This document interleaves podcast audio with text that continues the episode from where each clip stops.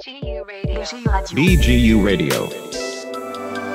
Now, just announcing that they are pausing the season due to the coronavirus. Big uh, football events in Europe put on hold. That includes the uh, Premier League and the Champions League as The well. NBA has suspended the season after Rudy Gobert has tested positive ברוכים הבאים וברוכות הבאות לסדרת הפודקאסטים החדשה של המחלקה לפוליטיקה וממשל באוניברסיטת בן גוריון בנגב.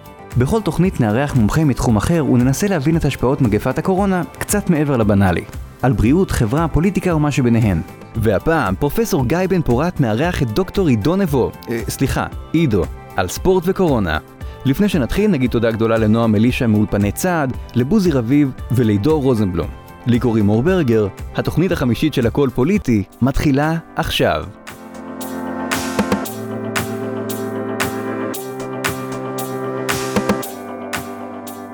אחד היתרונות כאוהד הפועל באר שבע בשבוע וחצי האחרון, שאני רואה בעיקר שידורים חוזרים, אנחנו מנצחים כל הזמן בשידורים האלה, אז אה, עובדה שאין ספורט, יש לה בינתיים איזושהי נחמה רגעית, אבל אני מניח שזה קשה לחובבי ספורט לעבור את השבועות האלה בלי דברים אמיתיים. אני מתאר שזה גם קורה אצלך. קשה מאוד, אם אתה מסתובב באתרי ספורט או בכל מיני לוגים וכן הלאה וכן הלאה, אתה רואה את התסכול שקיים. הדבר המעניין הוא שאתה מדבר על שידורים חוזרים, אז כולם מתרפקים על נוסטלגיה. יש המון המון כתבות על ספורטאי עבר, ערוץ היורוספורט מעלה סדרה של סרטונים על אה, ספורטאים גדולים מהמשחקים האולימפיים לאורך השנים. זאת אומרת, מי שנהנה מהתרפקות נוסטלגית, ואני נמנה עם הקבוצה הזו, זה בהחלט מענג, אבל uh, הזמן התפוגה של זה קרב, זאת אומרת, קשה יהיה למצות את זה יותר מדי זמן. יש ענפי ספורט שעוד מתקיימים ב, ב, ב, בתקופה הזאת? אתה הרי חובב איזוטריה. יש עוד ספורטים שעוד, שעוד מתקיימים? תראה, יש uh, uh, מספר ליגות בעולם עדיין מתקיימות. הליגה בביאלרוס מתקיימת בכדורגל, באוסטרליה יש מספר ענפי ספורט שעדיין מתקיימים, רובם ללא קהל, גם כדורגל, הוקי שדה, דברים מהסוג הזה, ושוב אני אומר ללא קהל. העונה של ספורט החורף הגיעה לקיצה לפני שבוע, זאת אומרת, טורנירים בקרלינג או בביאטלון או בדברים מהסוג הזה התקיימו, רק כשמדובר באירועים באמת מעוטי, מעוטי קהל, וגם הקהל שעוד יכול היה להיאסף הוגבל, נניח בפינלנד שהתקיימה תחרות ביאטלון חשובה במקומות אחרים. תחרויות שהתקיימו עד השבוע היו תחרויות הסנוקר, בינתיים אליפות העולם שאמורה להיפתח באפריל נדחתה בחודש, כך שענף הספורט היחיד שקיים איזשהו אורח חיים סדיר, אפילו עם צופים, כרגע נמצא גם הוא בהשעיה. יש איזשהו טעם לאירועי ספורט בלי קהל? איך אתה רואה את הדבר הזה שמתקיים, שהקהל הוא בעצם נמצא בבית, רואה את זה בטלוויזיה ולא נמצא במגרשים? יש טעם לאירועים מהסוג הזה? תראה, זו שאלה מורכבת, אני ברשותך אענה טיפה באריכות. החלק העיקרי של ההכנסות מאירועי הספורט או מהליגות המובילות בעולם לא באות מהקהל שקונה כרטיסים, הן באות משידורי הטלוויזיה. כך שבמובן הזה באופן עקרוני ניתן לקיים ספורט, אפילו אה, מכניס, רק באמצעות שידורים בטלוויזיה. אבל כשם ש... ואני פה משתף גם החוויה שאנחנו חווים כרגע עם לימודים המקוונים, שיעור מקוון יכול להיות מוצלח כשיעור מקוון, הוא לא שיעור בכיתה, ככה בכל אופן אני רואה את זה, הוא לא יכול להוות תחליף, ובמובן הזה האווירה שמתלווה למשחקי הכדורגל, או לכל ענף ספורט אחר, היא משהו שלא ניתן להתקיים בלעדיו. ומי שביטא את זה בצורה חדה מאוד זה לברון ג'יימס, כשאמרו לו שאולי המשחקים יהיו בלי קהל, אז הוא אומר, זה גם יהיו בלעדיי. כלומר, חלק מההנאה זה, זה, זה האינטראקציה עם הקהל וכל מה שכרוך בסיפור הזה. לעניות דעתי זה בלתי אפשרי, אם כי בכל מיני תחזיות עתידיות, הדברים האלה אפשריים. שאלת על איזה ענף ספורט מתקיים כרגע. ענף הגיימינג, בהנחה שאנחנו מכנים את זה ספורט, הוא ענף מאוד מאוד פעיל, הרבה מאוד כסף uh, מתגלגל בו, והוא לא צריך קהל, הקהל יושב מול המסכים ומשתתף. ענף של מה, סליחה? גיימינג, משחקי מחשב. אה, אוקיי. גם זה נהיה ספורט. זה מתדפק על דלתות התנועה האולימפית. יש כאלה שטוענים שהוא צריך להיכנס לשם, זה ענף שמגלגל להרבה מאוד כספים. אני שייך לאלה שטוענים שזה אסון אם יכניסו אותו, אבל יש אנשים שחושבים אחרת. אבל בוא נדבר רגע על, על, על המשחק בלי הקהל. במובן מסוים, חלק גדול מהאירועים הגדולים האלה, הם כבר ממילא לא של אוהדים כמו של פעם. אנשים שקנו חבילת תיירות למדריד או ללונדון, ובדרך רואים גם כדורגל.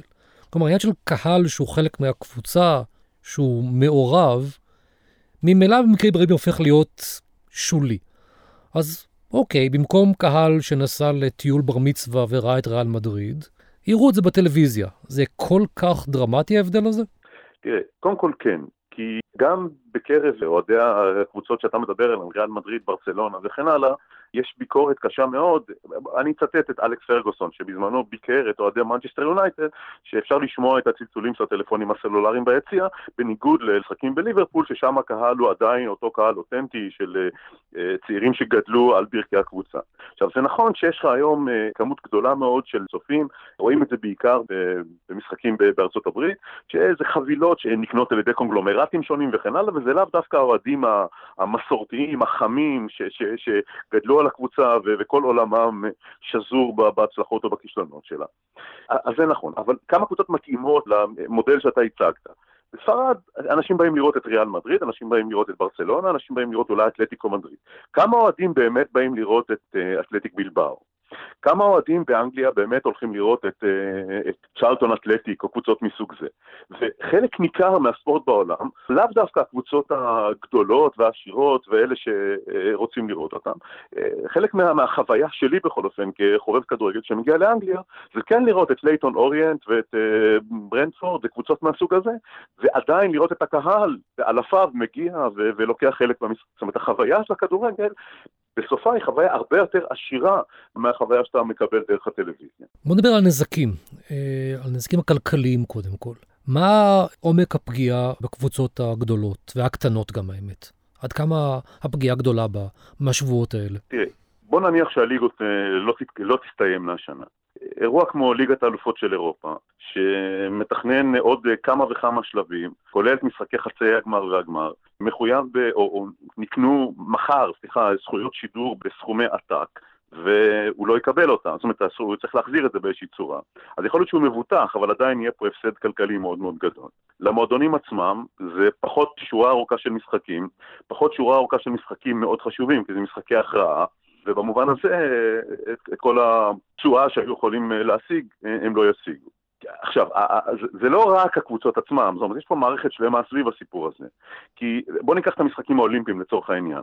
מי שמושקע בהם זה, זה חברות uh, תיירות, בתי מלון, חברות תעופה, חברות ביטוח שביטחו את המשחקים. כלומר, כל כך הרבה גורמים קשורים בסיפור הזה, שאם uh, הליגות לא תסתיימנה, אם הטור דה פרנס לא יצא לפועל, ההפסד לכל כך הרבה גורמים יהיה כל כך גדול, שיצטרכו uh, לשקול מחדש את דרכם ולראות איך הם מנהלים את uh, ענייניהם בשנים שיבואו. נניח שכן חוזרים, ועכשיו לא שיחקו במשך חודש. אפשר בכלל לחזור לשחק אחרי חודש שבו שחקנים לא מתאמנים? כן. יש תקדים? ייקח את הזמן, יחזרו, זה יהיה פחות טוב, אבל uh, יצליחו. יש איזשהו תקדים שאנחנו מכירים היסטורית שבו הספורט מושבת בעולם כולו? מלחמות עולם אני מתאר לעצמי. יש עוד תקדימים? כן, תראה, אה, כן, מלחמות עולם זה הדוגמה הבולטת ביותר. כן, קודם כל בוא נשים רגע את הדברים בפרופורציה הנכונה. מלחמת העולם הראשונה בין השנים 1914-1918, אה, הספורט ברובו היה חובבני, ההשקעה הכספית שהייתה פה הייתה מאוד מאוד מוגבלת, מרבית ליגות הכדורגל למשל באירופה היו חובבניות, בארצות הברית לא הייתה ליגת פוטבול מקצוענית, לא הייתה ליגת כדורסל מקצוענית, כלומר הפגיעה הייתה לא מאוד גדולה מבחינה כלכלית, אז בסדר, אז אה, ליגות מסוימות לא שיחקו ואין לנו אלופה בין השנים האלה, והמשחקים האולימפיים שהיו אמורים להתקיים ב-1916 אה, לא התקיימו. התקופה של מלחמת העולם השנייה הייתה כבר יותר משמעותית, כי הספורט יותר מבוסס, ההפסדים כלכלית היו יותר משמעותיים, אבל uh, במקום זה שם נמצאו כל מיני חלופות. בארה"ב למשל, כאשר לא התקיימו משחקי הבייסבול, מיד נמצאה איזושהי חלופה לליגת בייסבול לנשים. פחות או יותר השתמשה באותם מגרשים, וניסתה איכשהו אה, להפיק משהו מהעובדה שהשחקנים נמצאים אה, מגויסים, הגברים מגויסים, ואפשר עדיין לקיים בייסבול כדי להראות שאנחנו בעצם מקיימים אורח חיים נורמלי. מעבר לזה אין יותר מדי תקדימים מהסוג הזה, גם כשהיו כל מיני מחלות אה, או מגפות, כמו זיקה בזמנו בברזיל, או הסארס ודברים אחרים, אז יכול להיות שמשחקים הועברו ממקום למקום, אבל לא היה מצב של uh, מגפה כלל עולמית שמשתקת את העולם כולו בכזו צורה. ובעיקר שמדובר בספורט שהוא כבר עם, אה, כמו שאמרת, מקצועני מאוד, עם השקעות גדולות, אה, עם, עם איזשהו, איזשהו אה, תוכניות עתידיות שאמורות להתממש ולא יתממשו אולי. כלומר, יש כאן משבר ספורט שהוא לא פשוט בכלל לצאת ממנו. נכון, אה, מי שכרגע בחרדות גדולות זה היפנים, כי ההשקעות שלהם במשחקים האולימפיים אה, היו אה, אדירות. מדברים כרגע על סדרי גודל של למעלה מ-12 מיליארד דולר, יש טוענים שזה למעלה מכפול. גם אם ייקחו את המשחקים בעוד שנה והם יתקיימו בעוד שנה ואפשר יהיה בחלק מהמקרים לפצות. הכפר האולימפי שהיפנים בנו אמור להפוך בתום המשחקים מעשרת אלפים יחידות דיור. יחידות הדיור האלה כבר נקנו, או רובם כבר נקנו. עכשיו, מה עושים איתם? מחכים עם זה עוד שנה ומפצים את הרוכשים, נותנים להם להיכנס ובונים uh, כפר אולימפי חדש. כלומר, מדובר פה בכל מקרה בהפסד כספי מאוד מאוד גדול, גם אם המשחקים יהיו בעוד שנה. כנ"ל לגבי שכירה של, אה, או השכרה של כל מיני שטחים. המרכז, מרכז התקשורת יושב על אה, אזורים גדולים מאוד בטוקיו, הוא הושכר כבר, בכל מקרה יצטרכו לראות מה עושים איתו, זאת אומרת ההפסד כבר שם. גם אם המשחקים יתקיימו בעוד שנה, לא ברור אה, כיצד יצליחו לכסות את הגירעון הזה. והספורטאים כמובן שמגיעים לאיזשהו פיק באימונים שלהם, ועכשיו בעצם צריכים לדחות בשנה פה את כל ההכנה הזאת. זה כמובן כואב ברמה האישית. בוא נאמר ככה, קראתי קצת דברים שקשורים לספורטאים עצמם, יש כאלה שאפילו ירוויחו מהסיפור. מדובר אה, על אינטרוול של ארבע שנים. יש ספורטאים שנופלים בדיוק בגיל המתאים למשחקים, ויש כאלה שמגיעים שנה מוקדם יותר, שנה מאוחר מדי וכן הלאה. נגיד מהשחיינית הישראלית, אנסטסיה גורבנקו, שהיא כישרון אה, כנראה אה, יוצא מגדר הרגיל, בגיל 18 אמורה להשתתף במשחקים האולימפיים. אין לי שום ספק שבשנה הבאה האיכויות שלה פוטנציאלית יהיו יותר גבוהות, ולכן הסיכויים שלה להצליח יהיו כנראה יותר גבוהים. כך שאני לא בטוח שהיא אישית תפסיד מהעניין. היא הפסידה בכך שהיא דחתה את הבגרויות בשנה, וצריך אולי לדחות אותן בעוד שנה, ודברים אחרים, אבל לא בטוח שספורטיבית זה יהיה בהכרח אה, פגיעה. אבל הרבה אחרים אה, מן הסתם ייפגעו. יכול להיות שמכל הדבר הזה יהיה גם איזושהי חזרה לשפיות מסוימת, כלכלית? היינו מדברים פה על... זה התקווה על... הגדולה. כלומר, חוזים שהיו לעיתים מופרכים לחלוטין, ששחקנים שהרוויחו מיליונים, לא תמיד ברור למה ועל מה. האם אנחנו בעצם נחזור פה לסוג של מודל קצת שונה של אה, שוק של שחקנים ו- וקבוצות, או שאנחנו נחזור לאותו מקום שהיינו קודם? אני מקווה מאוד שהסיפור הזה, לפחות לפרק זמן, יחזיר את, ה, את, ה, את הספורט לאיזושהי שפיות. סכומי הכסף שמסתובבים הם, הם, הם בלתי פרופורציונליים, ל, ל, ל, ל, זה בועה, בעיניי ברור לכולם, ואם היא תתפוצץ, או אם האוויר יצא ממנה, אני מקווה שלא תתפוצץ, אז אולי נחזור לאיזושהי שפיות. סכומי הכסף שעוברים בין המועדונים השונים הם, הם, הם, הם הזויים לחלוטין. אה, ואם נחזור לשפיות זה כמובן יהיה מצוין, אבל אני לא בטוח שזה מה שיקרה, ואני אסביר למה. בואו ניקח את אה, התאחדות הכדורגל האירופית והרעיון של אותו fair uh, play שהיא מגבשת. המשמעות של הרעיון הזה, שקבוצות uh, שהבעלים שלהן, יש תקציב כמעט בלתי מוגבל, כמו פריז סן ז'רמן, מנצ'סטר סיטי וכן הלאה, המטרה היא למנוע מהם השקעות uh, בלתי פרופורציונליות ולאזן פחות או יותר את, התחרות, uh, ניסיון להידמות למה שקורה בליגות המקצועניות בארצות הברית. עכשיו, מכיוון שיואפ"א תהיה במשבר כלכלי די גדול בעקבות המשחקים האלה, היא תצטרך הרבה מאוד השקעות, ובמובן כזה, הסיכוי שהיא תרחיק קבוצה כמו מנצ'סטר סיטי יהפוך לכמעט אפסי. הסנקציות שהיא מנסה להטיל על פריס סן ג'רמן ועל הבעלים שלה, יאבדו את, את התוקף שלהם, כי היא תהיה זקוקה לכסף. ולכן, מה שאנחנו עשויים לראות זה לאו דווקא חזרה לשפיות, אלא פריצה קדימה של מועדונים שיכולים להשתקם מן המשבר הזה בצורה, בצורה טובה, שלא בהכרח תלויים בקהל שלא בהכרח תלויים בטלוויזיה, זה כן פרינס סן ג'רמן, זה לא ליברפול למשל, ויכול מאוד להיות שהפערים רק יגדלו והתחרותיות אה, תקטן, במובן הזה הכדורגל אה, לא יחזור לשפיות, אלא אה, רק יקצין דברים מסוימים. כשאתה עושה הבחנה בין פריז סן ג'רמן וליברפול, אני מבין שההבחנה היא שהקבוצה של פריז היא קבוצה שיש לה הון גדול שעומד לרשותה ללא קשר ל... תוצאות או להכנסות ממשחקים וטלוויזיה, מול קבוצה שכן תלויה בהכנסות שלה. זאת ההבחנה. כן, זה חוזר למה שאמרנו קודם. בוא נניח את ליברפול בצד כרגע. אני מדבר על הבדל בין קבוצה של קהילה, שהיא חיה מהאהדה של הקהילה, שהיא חיה מהחום של הקהילה, שהצלחה חד פעמית שלה, כמו שהיה ללסטר סיטי לפני כמה שנים, או כמו שחובה ליברפול בשנתיים האחרונות, היא משהו שמגובה באיזשהו תלכיד ייחודי של חיבור בין מאמן לשחקנים, לקהל וכן הלאה. ברגע שייתנו לשוק להתפרע באופן לא מבוקר, פריס סן ג'רמן תאסוף לקרבה את כל השחקנים הכי טובים, כדי שישבו על הספסל, ירוויחו סכומי עתק ולא ישחקו, ואני לא בטוח שהכדורגל ירוויח מהמצב הזה. אם כן נדבר על ליברפול והדאגה של האוהדים שלה, האם תהיה או לא תהיה אליפות השנה הזאת. במידה והליגות לא ממשיכות, איך בעצם סוגרים את העונה הזאת, באיזה אופן? יש uh, שלוש אפשרויות. בוא נגיד, על סמך ההיסטוריה יש שלוש אפשרויות, יכול להיות שמישהו uh, יגיע עם אפשרות חדשה. אני, אני מניח שהעונה לא, זאת אומרת שהעונה הזו לא תתחדש, זאת אומרת שעד הקיץ uh, לא יהיו משחקים. אז אפשרות אחת היא לבוא ולומר, אוקיי, אין, uh, אין ליגה, השנה אין לנו אלופה באנגליה, ואין אלופה באירופה ועוד דברים אחרים. אפשרות שנייה זה לבוא ולומר, הליגה נעצרה בנקודה מסוימת, יכניסו איזשהו אלגוריתם מסוים כדי לשקלל אה, מה עוד נשאר וכן הלאה, יקבעו את המיקום של הקבוצות בסוף העונה, ייתכן ויקפיאו את הירידות או, או דברים מסוג זה, ימצאו אבל איזשהו, איזשהו פתרון, להכתיר אלופה ולסיים את העונה, ואז עוד ליברפול יוכלו אה, לפחות להתנחם בעובדה שעוד אליפות תתווסף לשורת האליפויות שלהם. האופציה השלישית, שהייתה קיימת אגב בישראל, אה, שנת 67, שיאחדו את העונה הזו עם העונה הבאה. כלומר, בעצם ייצרו איזשהו רצף של שתי עונות, ובסוף עונת 2021 אה, יקבעו למעשה את האלופה של שתי העונות המחוברות יחד. ליברפול יש כרגע יתרון מאוד גדול ויש סיכוי שהיא תשמור על, על העניין הזה. יכול להיות שיש עוד כל מיני פטנטים כמו לסיים את העונה המקוצרת בתחילת העונה הבאה ולעשות עוד עונה מקוצרת מיד אחריה.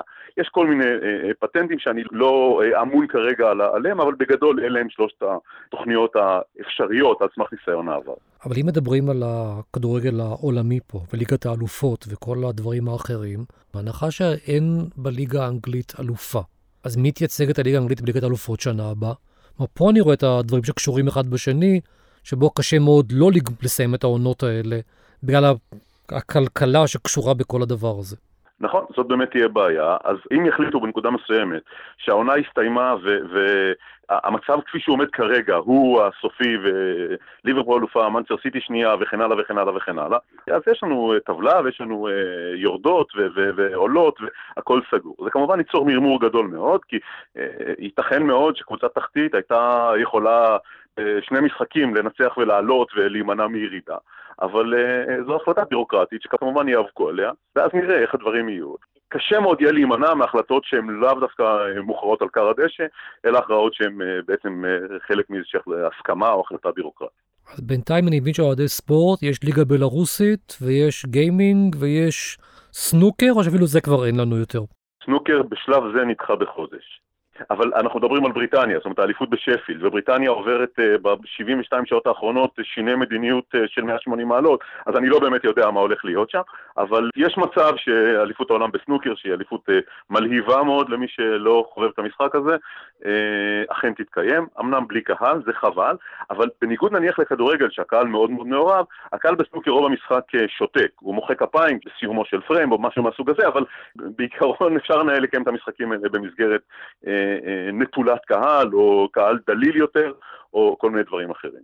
אם סנוקר זה התקווה, צריך לקוות שזה ייגמר מהר הקורונה, כי זה לא יחזיק. גם בלי, גם בלי זה שצריך לקוות שיגמר מהר. תראה, הזכרת קודם את הפעמים שהספורט הושבת. בוא ניקח נניח את uh, שתי מלחמות העולם ומה קרה על הספורט באחריהם. אז בוא ניקח את ארצות הברית למשל. ברגע שהסתיימה מלחמת העולם הראשונה, הספורט עלה איזושהי מדרגה.